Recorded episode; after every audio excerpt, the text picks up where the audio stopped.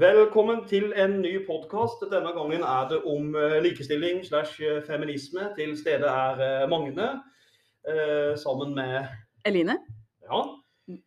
Forresten, før vi begynner, Eline, så må jeg da i likestillingens navn eh, låse døra her, Mm. så ikke noen kommer inn Ja, men det er en klassiker. når vi holder på Mm. her med denne podkasten, riktignok. Alle eh, sunne menn låser dørene. OK. Kort om eh, Det skal gjøre noen litt sånn for, altså argumenter for og imot og litt sånn. Hvor vi gjør det. Men jeg vil begynne litt sånn kort om likestilling i Norge og Norden. jeg. Si litt om det. Mm. For det at Norge, og Sverige og Finland de regnes jo som de beste landene å bo i for damer. Mm. Og eh, mange er jo deltakende i yrkeslivet, mange tar høyere utdannelse. Og de skandinaviske landene er jo nå blitt veldig berømt for likestillingspolitikken sin. Eh, Det kalles jo statsfeminisme i Skandinavia. Eh, Og eh, man har mange virkemidler i den verktøykassa for å få til likestilling. Man har fødselspenger, eh, pappapermisjon, eh, kontantstøtte, selv om ikke alle er glad for den. Full barnehagedekning satses det på. Og likestilling er jo til og med skrevet inn i den norske grunnloven, der det står i oppdatert versjon i kapittel 5, der det er presisert at alle skal ha like rettigheter og forpliktelser i vår velferdsstat. Men um, det må være lov å kalle deg feminist. Ja, definitivt. Definitivt. Det vil jeg si. Mm. Eh, Men som feminist, vil du si at det fremdeles er svakheter i likestillinga nå i eh, Norge? Eh, ja, det syns jeg. Eh, og mm, Norge er jo det mest kjønnsdelte eh, arbeidsmarkedet ifølge OECD. Eh, og det er jo, det syns jeg er problematisk, fordi man må jo få en sånn balanse i næringslivet som man kanskje ikke har hatt før. Mhm. Og det er jo med på å skape en sånn um, likestillingsnorm, eller en, på en måte plante en idé om at OK, folk kan gjøre hva de vil. Eh, og det er eh, få kvinner som er ledere i næringslivet, næringslivet eh, og under 10% er i topplederstillinger. Eh, og det tror jeg er pga. kanskje at eh, kvinner kanskje ikke tør å ta den plassen de egentlig hadde mestra ganske bra. Ja. For jeg vet om flere kvinnelige sjefer som tar jobben sin seriøst og kanskje er med på å skape en veldig sånn trygg arbeidsplass, som jeg tror kanskje er mer inkluderende enn mange tradisjonelle mannlige ledere. Ja, de har mer eh, vi si, myke verdier som ledere. Ja, også at de er litt eh, mer disiplinerte når når det trengs, og at de finner en balanse i hva som Mm. burde passes på og ikke, på en måte. Men, men det er jo veldig rart det at uh, f.eks. ifølge ILO, den Mm. internasjonale arbeids... eh, Eller den internasjonale arbeiderorganisasjonen, så ligger Norge bak land som USA og Island, heter vel, og Canada og Storbritannia. ja, på å ha antall kvinnelige ledere i, i næringslivet. For vi er bare litt over 30% fra 36 til 20 Mm. Og det er jo veldig rart at vi satser så mye på likestilling. da. Ja. Så, så, så hvorfor er det så mange kvinner som, som avstår fra å fjerne sånne lederstillinger, tror du? Eh, hvordan da fjerne lederstillinger? Ja, altså Hvorfor de avstår, hvorfor de ikke søker? Jeg tror at uh, i Norge så er det um, på en måte F.eks. i USA, da, så tror jeg det er flere kvinner som søker disse lederstillingene for å på en måte eh, klatre litt i systemet Mhm. og få et veldig god, suksessfullt arbeidsliv. Fordi det er veldig stort fokus på det i USA. På en måte å være på toppen og få de gode arbeidsoppgavene og sånn. Men i Norge så får man en større frihet eller en trygghet til å på en måte velge litt mer eh, etter interesser, tror jeg, kanskje. Ja. Mm. Og Hvis du velger interesser, da er det tydelig at, at veldig mange damer velger offentlig sektor, og menn velger privat. Ja, Det er det jo mye statistikk på. Ja. Så er det jo eh, Det er jo ikke så mange eh, i eh, toppledelsen av f.eks. professorer som er, er kvinner. Mm. Det er vel Det er i lederstillinger. Ja, Det er vel egentlig bare to av ti kvinner som er professorer. ja det er ikke mye. Mhm. Det er jo veldig, veldig lavt tall. Jeg skulle ønske det var større. For jeg tror at veldig mange kvinner Jeg tror egentlig at de fleste lederstillinger hadde eh, hatt bedre egna ledere hvis de var kvinner. Mm. At kvinner passer veldig godt i lederstillinger. Tror du kvinner er bedre ledere enn menn? er det du sier? Ja. Oi, det kom raskt. Jeg tror det. Fordi, og spesielt hvis det er veldig på en måte Hvis det er en liten arbeidsplass, da tror jeg egentlig ikke det har så veldig mye å si. Men jeg tror hvis vi hadde hatt flere kvinnelige statlige, ledere, så hadde vi sett en ganske stor endring i verden. Mm. Men fremdeles er det sånn at mange damer velger tradisjonelt. Hvis du ser sånn sykepleier, og barnehage Mm. eh, Kvinner velger jo ofte det vi kan kalle sånne Sånne myke yrker. Ja. Og at menn velger på en måte de harde og Ja. macho. Mm. Eh, og kvinner utgjør bare 90% av arbeidsstokken, eller de utgjør 90% av arbeidsstokken i barnehager. Eh, og de er sykepleiere, og menn utfyller de samme prosentene i mer eh, macho-yrker som eh, bygg og industri og Mm. sånn. Mm. Eh, og jeg tror grunnen til at kvinner velger de myke yrkene, er jo mye ehm, Det sitter på en måte litt i samfunnet at man er nødt til å velge disse myke yrkene. Mm. Og jeg tror også det har mye med oppdragelse å gjøre. Ja, det er noen forventninger. ja, forventningene. Og når jeg ser på hvordan jeg er oppdratt kontra mine guttevenner, Mm. så er det veldig tydelig hvilke verdier som er forskjellige, og hva man på en måte er oppfordra til å interessere seg og kjempe for. Ja, så er det sånn tradisjonelt enda, tror du, at gutter skal leke med skal jeg si, eh, våpen og lekebiler og sånn, Mm. og jenter skal ha rosa. og Det tror jeg. Mm. sånn? Jeg har tenkt å gjøre det veldig motsatt. Men, men forresten, kvinner tjener, altså, kvinner tjener jo de sier de tjener dårligere enn menn. Mm. Eh, kvinner tjener 85 av det en mann gjør. Ja. Eh, og mange vil jo si at det er pga. kvinner velger dårligere eller mindre betalte yrker. Mm. Og det er jo for så vidt sant, det, men jeg tror også at det er veldig mange stillinger som faktisk betaler lavere lønn til kvinner enn menn. Kanskje ikke i Norge, fordi for i Norge tror jeg det er veldig likt. Mm. Men i USA f.eks. så tror jeg det er ganske mange tilfeller hvor kvinner får mindre lønn for likt arbeid. At det kan være nesten systematisk diskriminering i noen tilfeller. Mm. Det tror jeg. Eh, Eh, og ja, veldig mange kvinner arbeider jo deltid også. ja. Fordi de får på en måte ikke får på en måte ikke plassen til å Og så så jeg på SSB før den podkasten her, så så jeg at veldig mange grunnen til at det er lønnsforskjeller òg, er at en del damer er veldig unge inn i yrkene. Ja. For man går jo Man, man holder liksom man, Damer er flinkere til å fullføre studier på høyere nivå.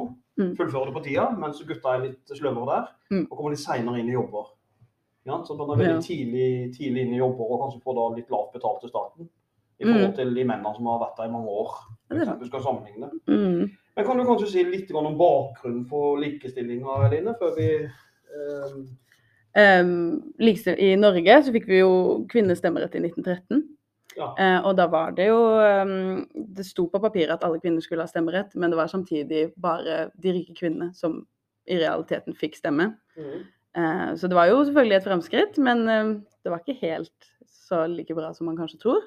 Men det var i hvert fall en veldig god start. Eh, og i 1978 så fikk vi likelønnsloven, eh, som har vært et veldig viktig bidrag for å på en måte gi en sånn statlig bekreftelse på at dette er noe vi kjemper for, og dette er, noe, dette er verdien i Norge. Vi vil ha likestilling i arbeidslivet og i privatliv. Mm. Eh, og i senere tid så har vi også fått kjønnskvotering, hvor det er ideen om at det skal være lik fordeling av kjønn, eller på en måte en større balanse på eh, mannsdominerte eller kvinnedominerte yrker.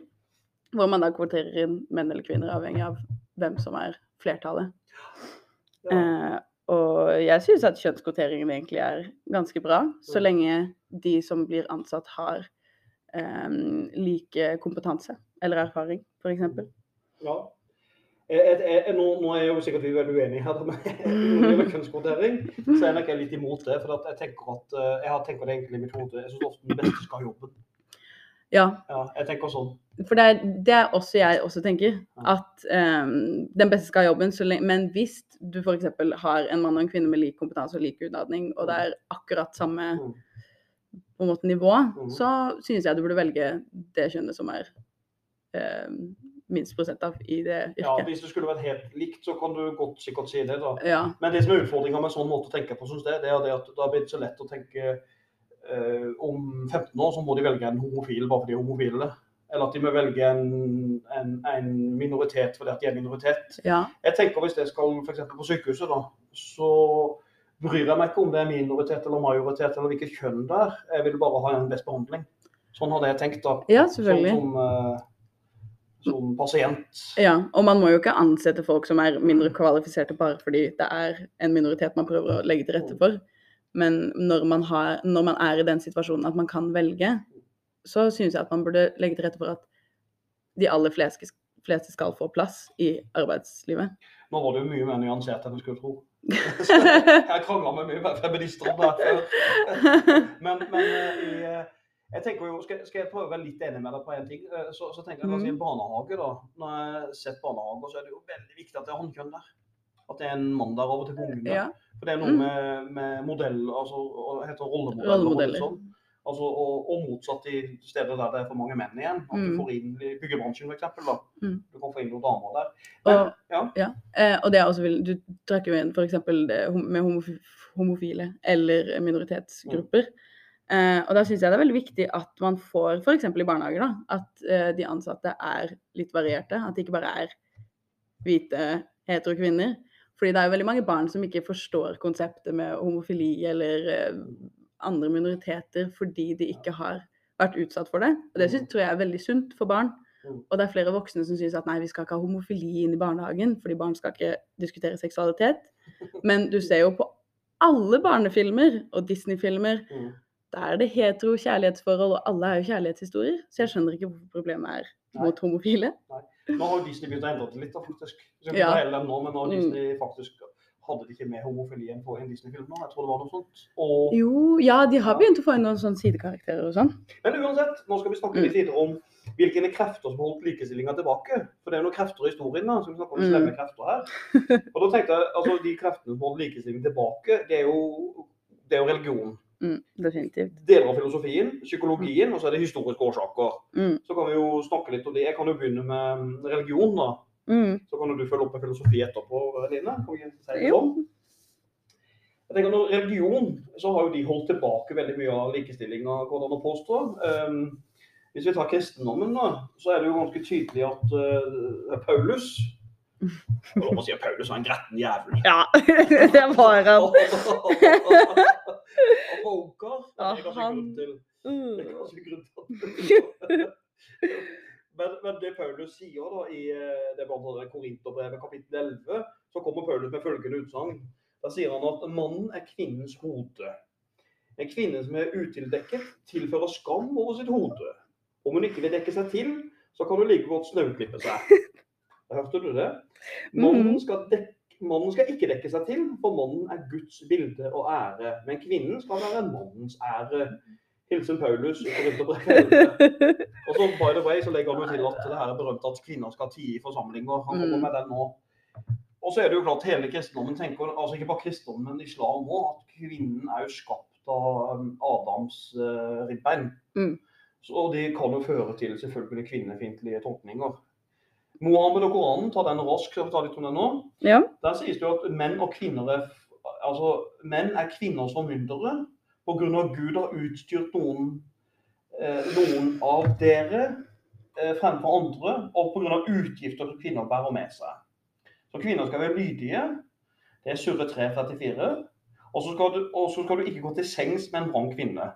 Du skal heller gi dem stryk. Mm. Men det er sjarmerende. Ja, ja. Det er koselig, det. Men for å nyansere og forsvare religion litt, da, så er det jo klart at noen tolker Jesus feministisk. Mm. Han var jo da med kvinner ved graven, f.eks., og Maria Magdalena. Selv om jeg skrev litt ut av Bibelen. Men, eh, og Mohammed og Khadija, og så Aisha, det er jo damer som hadde respekt Mm. for profeten. Men Ja. Mm. Og det jeg vil tilføye der, er jo at de kvinnene som blir diskutert i religion og sånn, jeg tror ofte at de blir sett på som at de får respekt fordi de eh, gjorde nytte for seg. Mm. Eller fordi de fulgte det idealet. Ja, Det var ikke fordi de hadde sine egne verdier eller egne tanker, det var fordi de fulgte mannen sitt bilde. Særlig jomfru Maria. Det er Ja. de elsker jomfru. og var lydig. Selvfølgelig. Lydig jomfru. Mm. Ja, det. Så det er jo derfor man kanskje ser at de får respekt. Mens hvis en kvinne hadde sagt noe som ikke fulgte helt perfekt i sine retningslinjer, så tror jeg ikke det hadde gått så bra med henne. Oi, oi, oi. Mm, det er det. Men uh, en annen gretten ungkar. Jeg regner med med Aristoteles er jo ikke noe hyggelig han heller, hvis vi går på filosofien der. Ja, altså Aristoteles mente jo at kvinner eh, hadde halv verdi av mannen, og at de ikke var til å stole på fordi de var en eh, mislykket mann. Mm.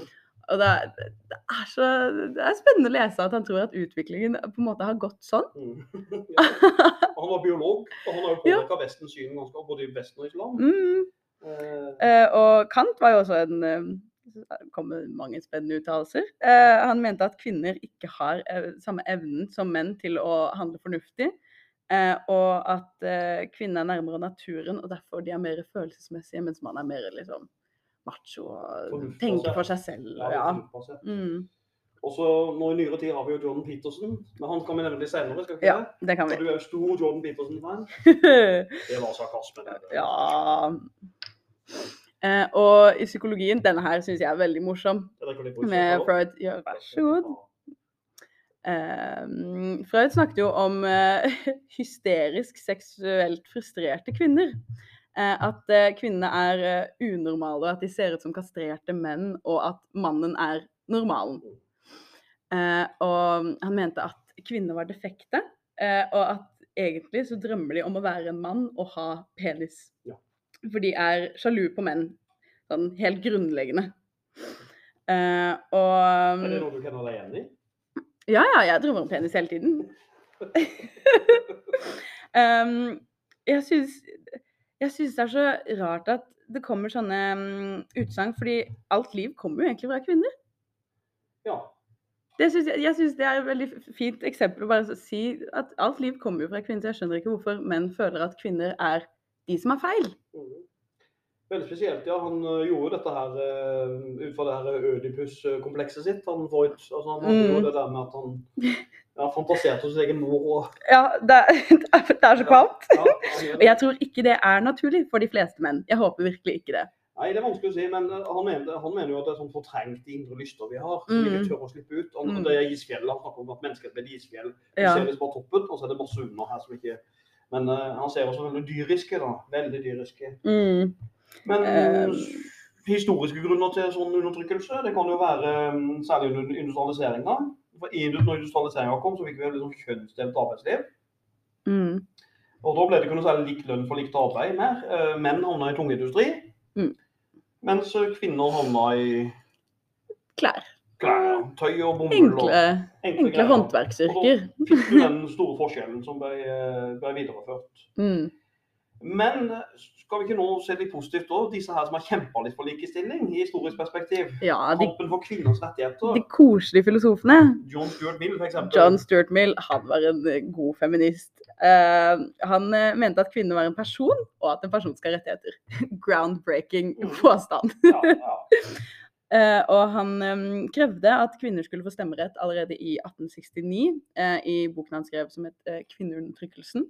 Hvor han da mm, anerkjenner at kvinner har vært undertrykt, og at de kanskje burde behandles litt mer med respekt. Eh, han mente også at ekteskapet var et slaveri for kvinnen, eh, og at de var helt avhengig av mannen økonomisk. Eh, slik at samfunnet skulle fungere, så må alle være med og involveres. Og det at han så på ekteskapet som et slaveri for kvinnen allerede da, er jo på en måte at han kan se virkeligheten med et bedre sånn nyansert perspektiv. Da. At han ser at det faktisk er veldig Kvinner kommer på en måte ikke foruten det. For de hadde ikke kommet så langt uten. Nei, han er forut for sin tid. Mm. Men så er bildet av John Stuart Mill. Nei, Nei, vi kan få folk til å se bildet av han. ja, kanskje det. Han er litt, du som liker å male, så du skulle malt han. Han, han, han, han, han ser litt sprø ut. Vi liker sprø. Ja, han, liksom, eh, han er helt skalla som sånn syk måne, så han ser ikke helt på nett ut. Men han er forut for sin tid i meningene.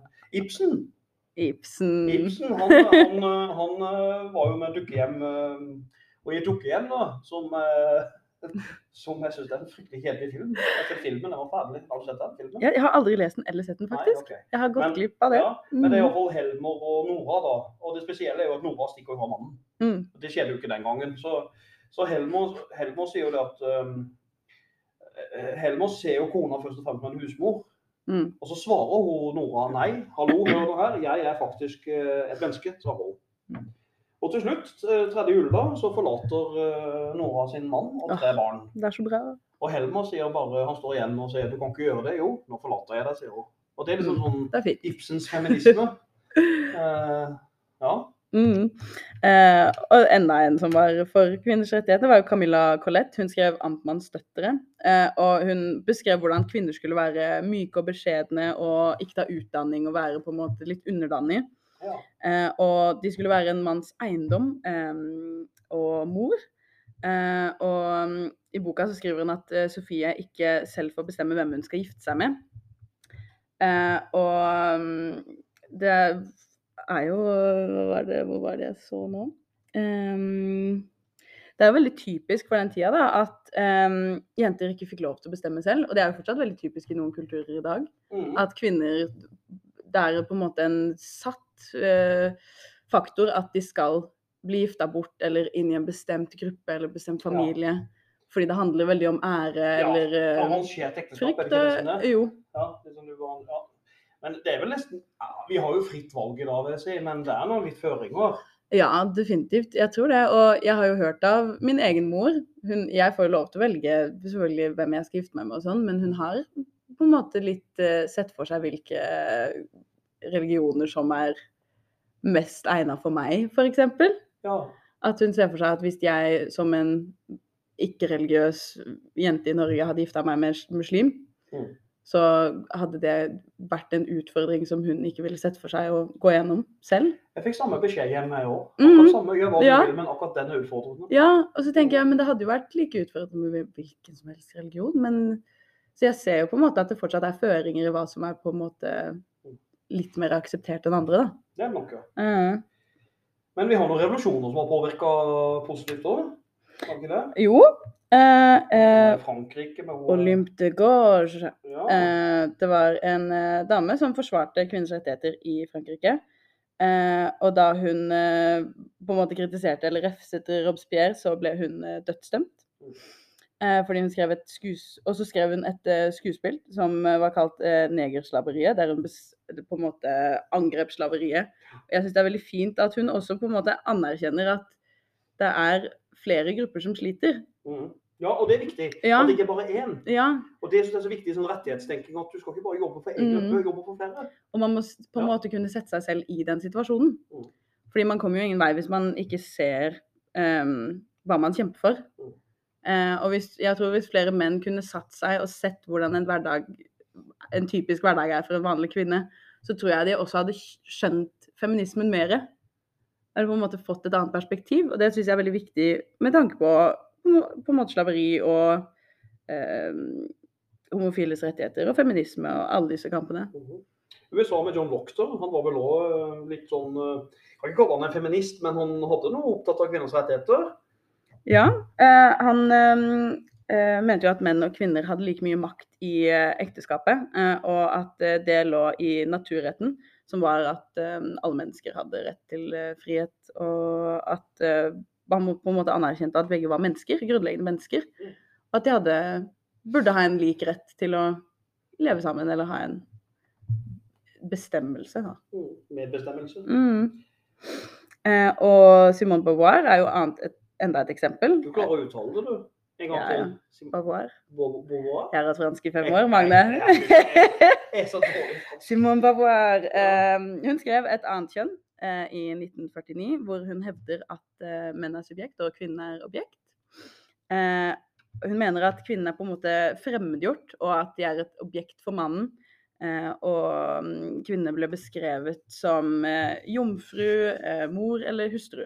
At de var på en måte sånne objekter eller arbeidsoppgaver, nesten. Mm. At de skulle, de skulle bare fylle ut det, og det var det. Rollen som den andre. Ja. Spille andre fiolin. Mm.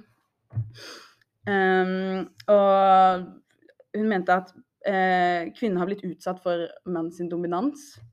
Uh, fordi menn har jo historisk sett definert virkeligheten gjennom sin egen makt og i det offentlige rom og gjennom historie, politikk, media og samfunnsliv har på en måte alltid menn vært seiersherrene. Og da har jo det berømte lille sitatet at du, du fødes ikke som kvinne, men Man blir det. ja. Men det tror jeg også man kan se på veldig Det er jo på en måte veldig relevant, det utsagnet fortsatt. At um, Sånn jeg tolker det, da, at man fødes ikke kvinne, man blir det. At man blir på en måte utsatt for alle disse utfordringene eller forventningene. Og så blir du forma etter alle meningene om deg som kvinne. Ja, eh, jeg forstår hva du mener med det, men jeg er litt kritisk til det, Eline. For at jeg tenker litt sånn eh, Er ikke det her veldig sånn jeg vil kalle det sånn miljørelativisme? For spiller ikke biolo biologien inn her? Er det ikke biologisk forskjell mellom menn og kvinner, da? Jo, selvfølgelig er det biologisk. Det er jo åpenbart på en måte Ja. at det er biologiske forskjeller, men jeg ser ingen grunn til at det, hvorfor det burde være diskriminering og hat og så store forskjeller mellom eh, kjønnene.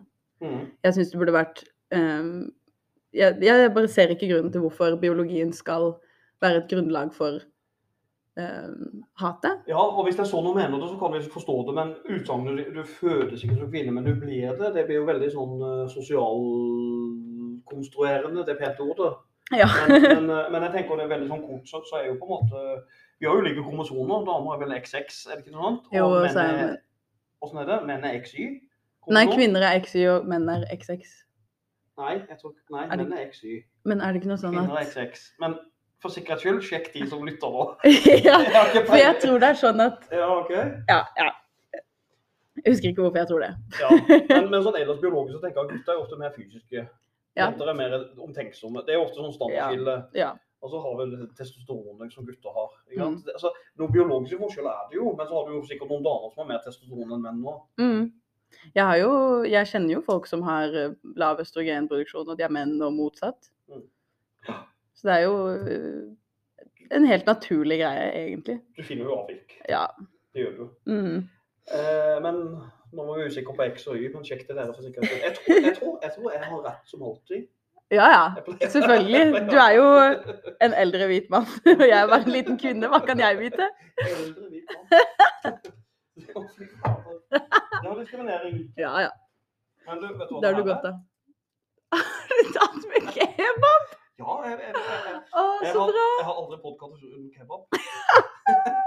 Det er I likestillingens navn så så jeg tenkte vi kunne måtte dele en kebab. Ja, men det er veldig fint. Så- Bryte en kebab. av en kebab. Og så, og så kjøpte jeg den på skal jeg ikke si hva jeg kjøpte den, men den er litt sånn skitten. Den Ja. beste kebaben er skitten. Er det happy time? det var det veldig hårete damer som lagde den, og det er bra. Mm. Så da vet jeg den er god. Ja, men det er- er fint med litt ekstra. ja, Veldig legger den der, synes jeg. Mm. Men den er Dele den i to. Men, å, nei, nei, vent. Jo, jo, det var den. Å, tusen takk. Nå må du tåle hvis det blir Er det sånn eh, peace offering? peace offering. Men nå, nå må vi leke sånn sosiologer her. Mm. Og så må vi finne årsaksforklaringer hvorfor det er sånn forskjell mellom kvinner og menn. Vi har vært litt inne på noe av det. da, det? Ja. Mm. Eh, Hva kan noe av årsaksforklaringene være for de forskjellene som er der? Altså, de, de helt tydelige forskjellene mellom um, kvinner og menn, tror jeg Mye av det kommer fra diskriminering, tror jeg. Mm. At um, vi tenker at um, en mann kan ting bedre fordi han er mann, og uh, at de bare har en sånn grunnleggende egenskap. Og kvinner opplever uh, mye hersketeknikker, tror jeg. Og der hadde jeg veldig lyst til å snakke litt om uh, mansplaining. Oh, For det syns jeg er veldig gøy. Mansplaining er når en em, mann forklarer noe helt grunnleggende til en jente fordi han tror at hun ikke kan fra før av. Selv om det er helt basic kunnskap. Og det er sånn Hvor dum tror du at jeg er, på en måte? Mm. Eh, og det har jeg opplevd masse. Jeg har ingen sånn spesifikke eksempler akkurat nå, for det er ofte veldig sånn lette temaer. Så jeg er sånn, ja, mm, Hvis de prøver å forklare meg noe, så er jeg sånn Når lærte du dette? Tror du ikke at jeg kan det? Um, for det tror jeg skjer ganske mye, egentlig. At menn på en måte tar utgangspunkt i at kvinner bare er litt dummere. Og så blir det litt sånn Nå, var du flink, jenta mi. Sånn Ja, litt ja, sånn? litt sånn Oi, så flink du var. og jeg klarte å finne ut av det? Men Blir du provosert hvis noen hadde sagt sånn til deg, eksempel sånn Nå var du flink, jenta mi. Altså, er det sånn som du er provoserende måte å prate på? Mm, hvis du hadde sagt 'nå var du flink, jenta mi' til meg, hvis jeg hadde svart riktig i timen, så hadde jeg syntes det var veldig rart. Ok. Mm. Ja. Eh, eller jeg hadde tenkt Ja, Mm. men eh, tror du ikke jeg kan det, på en måte? Og at i tillegg legger til den der jenta mi, Mhm. som er en sånn veldig sånn Den er jo nesten litt nedlatende når det er på en måte en sånn ung person som ikke kan det, på en måte. Mhm. Siden når du da ser på meg som på en måte litt under, så blir det jo en veldig sånn maktfordeling der òg. Eh, Men jeg tror også, nå skal, nå skal jeg drive litt, men jeg tror også kvinner kan gjøre det samme ubevisst med menn. ja, selvfølgelig. selvfølgelig. Det er jo eksempel, kan ikke du hjelpe meg å bære den sofaen, du som er så stor og sterk? Ja. Og så snyker så spøker man litt på skuldra sånn. Og så, Ja. Åh, ja, klart jeg kan det. Jeg tror det er mye som går to veier. Selvfølgelig. ja, ja. Men bare sånn Mm. at jeg tror det gjelder begge, begge, begge veier, ja. Det tror jeg kan være sentralt å få med. Ja. Men uh, statistisk uh, diskriminering er det også noe som heter Statistisk diskriminering var det vi pratet om, ja. Ja, Det var det. Eh, og det er jo på en måte statistisk diskriminering av eh, en gruppe, altså kvinner, eh, og at man reduserer kvinner som å se på dem som en fødemaskin. Og det er jo på en måte å se på dem som et objekt, at de har én hensikt, og det er oppgaven deres, og det skal de gjøre. Eh, og det kan jo ofte mm, være med på Det er jo med på å skape en sånn veldig eh, tydelig objektifisering av kvinner. Og jeg har hørt om flere eh, har snakka om at, eh, at eh, kvinner eh, ikke får jobber, f.eks. For eksempel, fordi de vet at de får barn, og at da må de ut i permisjon osv. Mhm. Eh, og så kan det jo også være strukturelle forhold, som yrkesvalg. Og hvor det er forventninger til yrket for menn og kvinner eh, fra samfunnet, og at samfunnet har en bestemmelse på hva Mhm. de er egnet til å gjøre. Eh, at eh, kvinner skal være søte, feminine og omsorgsfulle, og at eh, menn skal være mer eh, macho og effektive og Ja. litt hardbarka. Og det er kanskje litt på endring i dag, det der med litt sånn For da har vi litt mer Ja. fleksible kjønnsroller. Mm. Så Det har vi jo. litt endring. Ja, eh, og så syns jeg det er veldig fint at vi har på en måte tatt opp den eh, diskusjonen med litt mer eh, flytende kjønnsroller. Fordi eh, Altså, jeg har et eksempel med Harry Styles. Posta jo et Eller var med på en fotoshoot med Vogue. Hvor han gikk med en kjole. Harry Styles, jeg var på konsert med han i sommer. Kjempe, Veldig gøy. ja. Mm, mm. Kjempeartist, altså. Ja, Jeg gråt når han hadde tale om, tale om pride. Men um, han uh, gikk jo med en kjole på et Vogue-cover. Mm. Og da var det veldig mye kritikk mot han, og Mm. også veldig mye positiv tilbakemelding. Og folk hylla han for å gjøre det. Men så tenker jeg litt sånn, det jo, har jo på en måte vært folk som har kjempa for det mm, tidligere òg. Så at han på en måte tar opp den igjen. For jeg tror det har vært en ganske lang pause uten at folk har tenkt på det. Mhm. Fordi for eksempel hvis du ser på rockestjerner som David Bowie, Kurt Cobain, de har jo gått med kjoler og på en måte utfordra det der mannsidealet ganske lenge. at Du sa, for nå sto jeg tenkte i hodet, nå tenkte, når du likte Harry Styles, så tenkte jeg rett og jeg tenkte parallell til David Bowie. Ja, Det er litt sånn samme typen. 100% ja. Kunstnertypen Sånn. ja. Jo, men du, en, en annen ting som kan forklare sånn, årsaksforklare forskjeller mellom menn og kvinner, det er jo selvfølgelig kompetanse og, og kvalifikasjonsforskjeller òg. For Ja. en del yrker så har jo menn øh, gjennom hundrevis av år opparbeidet seg erfaring. Mm. Menn har jo kanskje flest lederposisjoner fordi nettopp de har erfaring i det. Og mennesker handler jo ofte sånn Sånn har vi alltid gjort, tenker man. Hva gjør vi her på skolen når vi ansetter en ny rektor? Jo, det blir en mann igjen. Ja. Altså, for dette har alltid vært en mann. Surprise. Surprise. så, det er altså, det er bare sånn, sånn er det bare. Mm. Jeg tror nok den ligger veldig mye. Så tenker man at dette er standard mannlig eh, kompetanse og kvalifikasjoner. Og så er det jo litt sånn en annen forklaring. Kan det være ulike, eh, altså selv, ulike selvstendige valg? For det er jo en del sånn at Selv om vi satser mye på likestilling, så vil jo kvinner veldig ofte søke mot helse- og omsorgsyrker og deltidsarbeid. Særlig her i i Agder. Så veldig, Ja. veldig tradisjonelt. ja. Og det er jo eh, noe OK, du kan si det er forventninger, men noen vil jo også si at det er eh, et selvstendig valg man gjør. Mm. Eh, og så har du en annen forklaring. Kan det være biologiske forskjeller? Jeg var jo litt borte på det i. Altså, som kan forklare forskjeller, da. Det er jo at menn har testosteron, og menn er sånn fysisk sett sterkere. Og det kan jo gjøre at de igjen med tradisjoner har hatt en viss type yrker. ja. Og så er det en annen forklaring, selvfølgelig at mennesker har jo en tendens til å, sånn sosiologisk forklaring, til å på en måte til å like de som vi ligner mest på sjøl. Ja. Altså sånn, det heter kognitiv tendens. Altså at vi, Mm. vi søker mot de som er litt like oss sjøl. Så eh, mannlige ledere ansetter seg sjøl, da. ja. Og kvinnelige ledere kan ansette seg sjøl. Altså, det blir jo litt sånn. Eh, Så da har vi en del forklaringer her. Ja. Altså det er jo veldig mange tydelige faktorer på hvorfor det er som det er nå, Mm. egentlig, da. Ja. Eh, men sånn som jeg nevnte litt i stad, med det at menn er fysisk sett sterkere, eh, og at de har mer testosteron, og derfor er de bedre egna ledere, Mm. det er jeg ganske uenig i. Okay. For når du ser på de som faktisk har makta, f.eks. statsministre, de er jo ikke de som faktisk utgjør kampen. De kjemper jo ikke fysisk. Det vil mye heller ha en leder som på en måte tenker mer rasjonelt eller Mm. mer følelsesmessig, fordi man ser hvem som blir påvirka. Det tror jeg en kvinne er bedre egnet til å gjøre. Ja, sånn, ja. Tenker. Mm. Bortsett fra Margaret Thatcher, så er jeg enig med deg. Ja, bortsett fra Michael Margaret Thatcher. den, her, den her var veldig mye sånn saus i den kebaben. Ja, men det er godt. Du kan se etterpå. Sånn Mm. kjette på fingrene.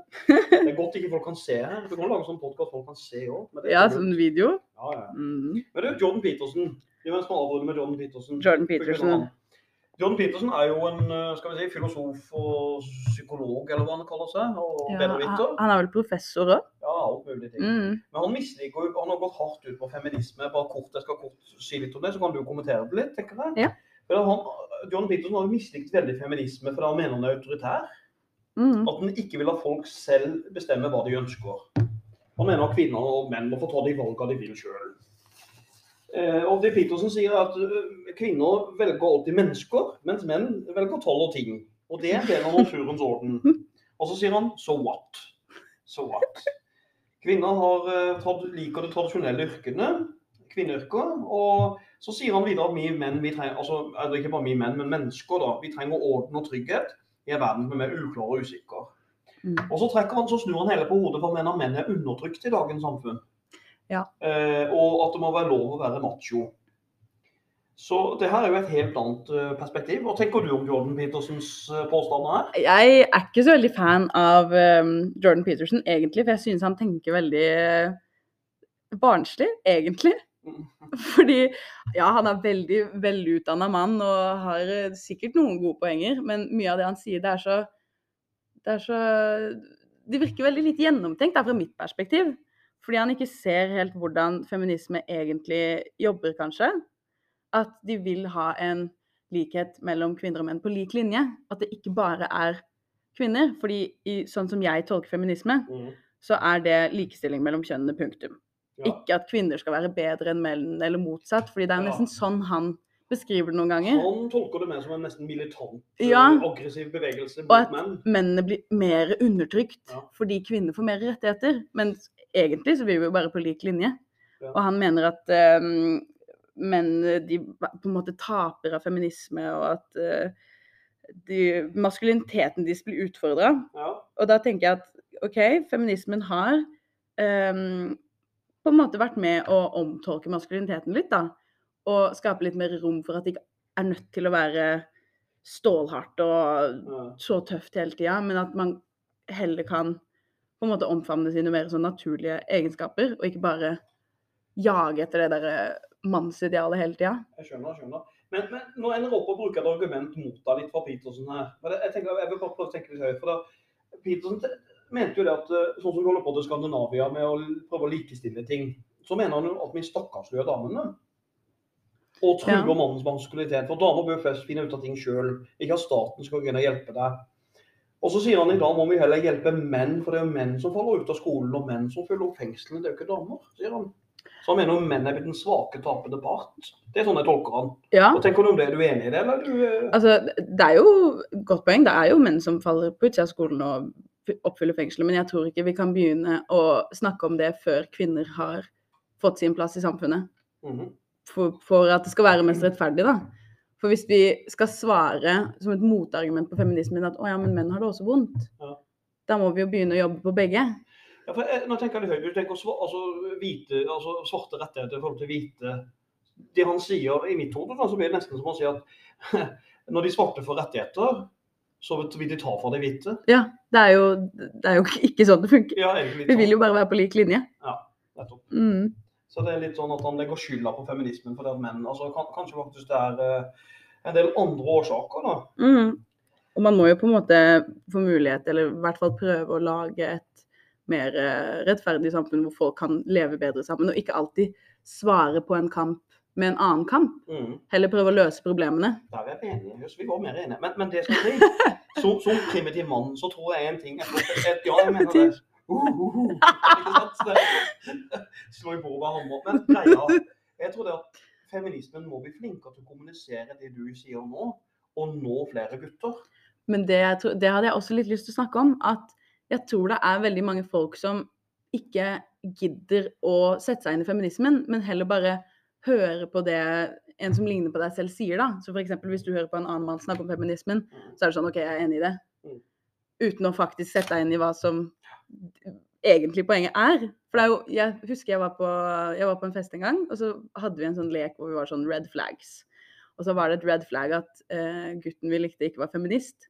Og da var det veldig uenighet Mm. i om uh, det var en deal-breaker eller ikke. Og da sa jeg selvfølgelig er det det. Jeg vil jo ikke være med noen som um, ikke ser på meg som likeverdig. Mens de var sånn ja, men jeg ser jo på en feminist som går ut og skriker i gaten og gnir mensenblod på ansiktet og sånn. Så jeg er sånn, ja, men du må jo se på hva feminisme egentlig er. For det er jo alltid radikale i, innenfor en retning. Men du kan ikke bruke de mot selve bevegelsen alltid. Nettopp. Og det vil alltid Mm. være noe ekstreme. I alle, alle, alle bevegelser har ekstreme elementer. Sånn Ikke sant? Sånn er det jo. Det er som om jeg skulle sagt at ja, men alle, alle Frp-ere er massemordere fordi Anders Behring Breivik drepte folk. Skjønner du om du mener. Mm. Men du, nå kommer vi, fag, vi kommer jo gjennom ganske mye feminisme her og likestilling. Og Ja. Skal vi, vi, eh, skal vi si oss ferdige for, forsynte her? Ja. Jeg tenker også det. Mm. For vi må jo Må jo dytte i oss litt kebab. vi må få plass til kebab. Det er veldig viktig. i likestillingens navn. Er sier vi hei og hå takk for i dag. Hei og hå.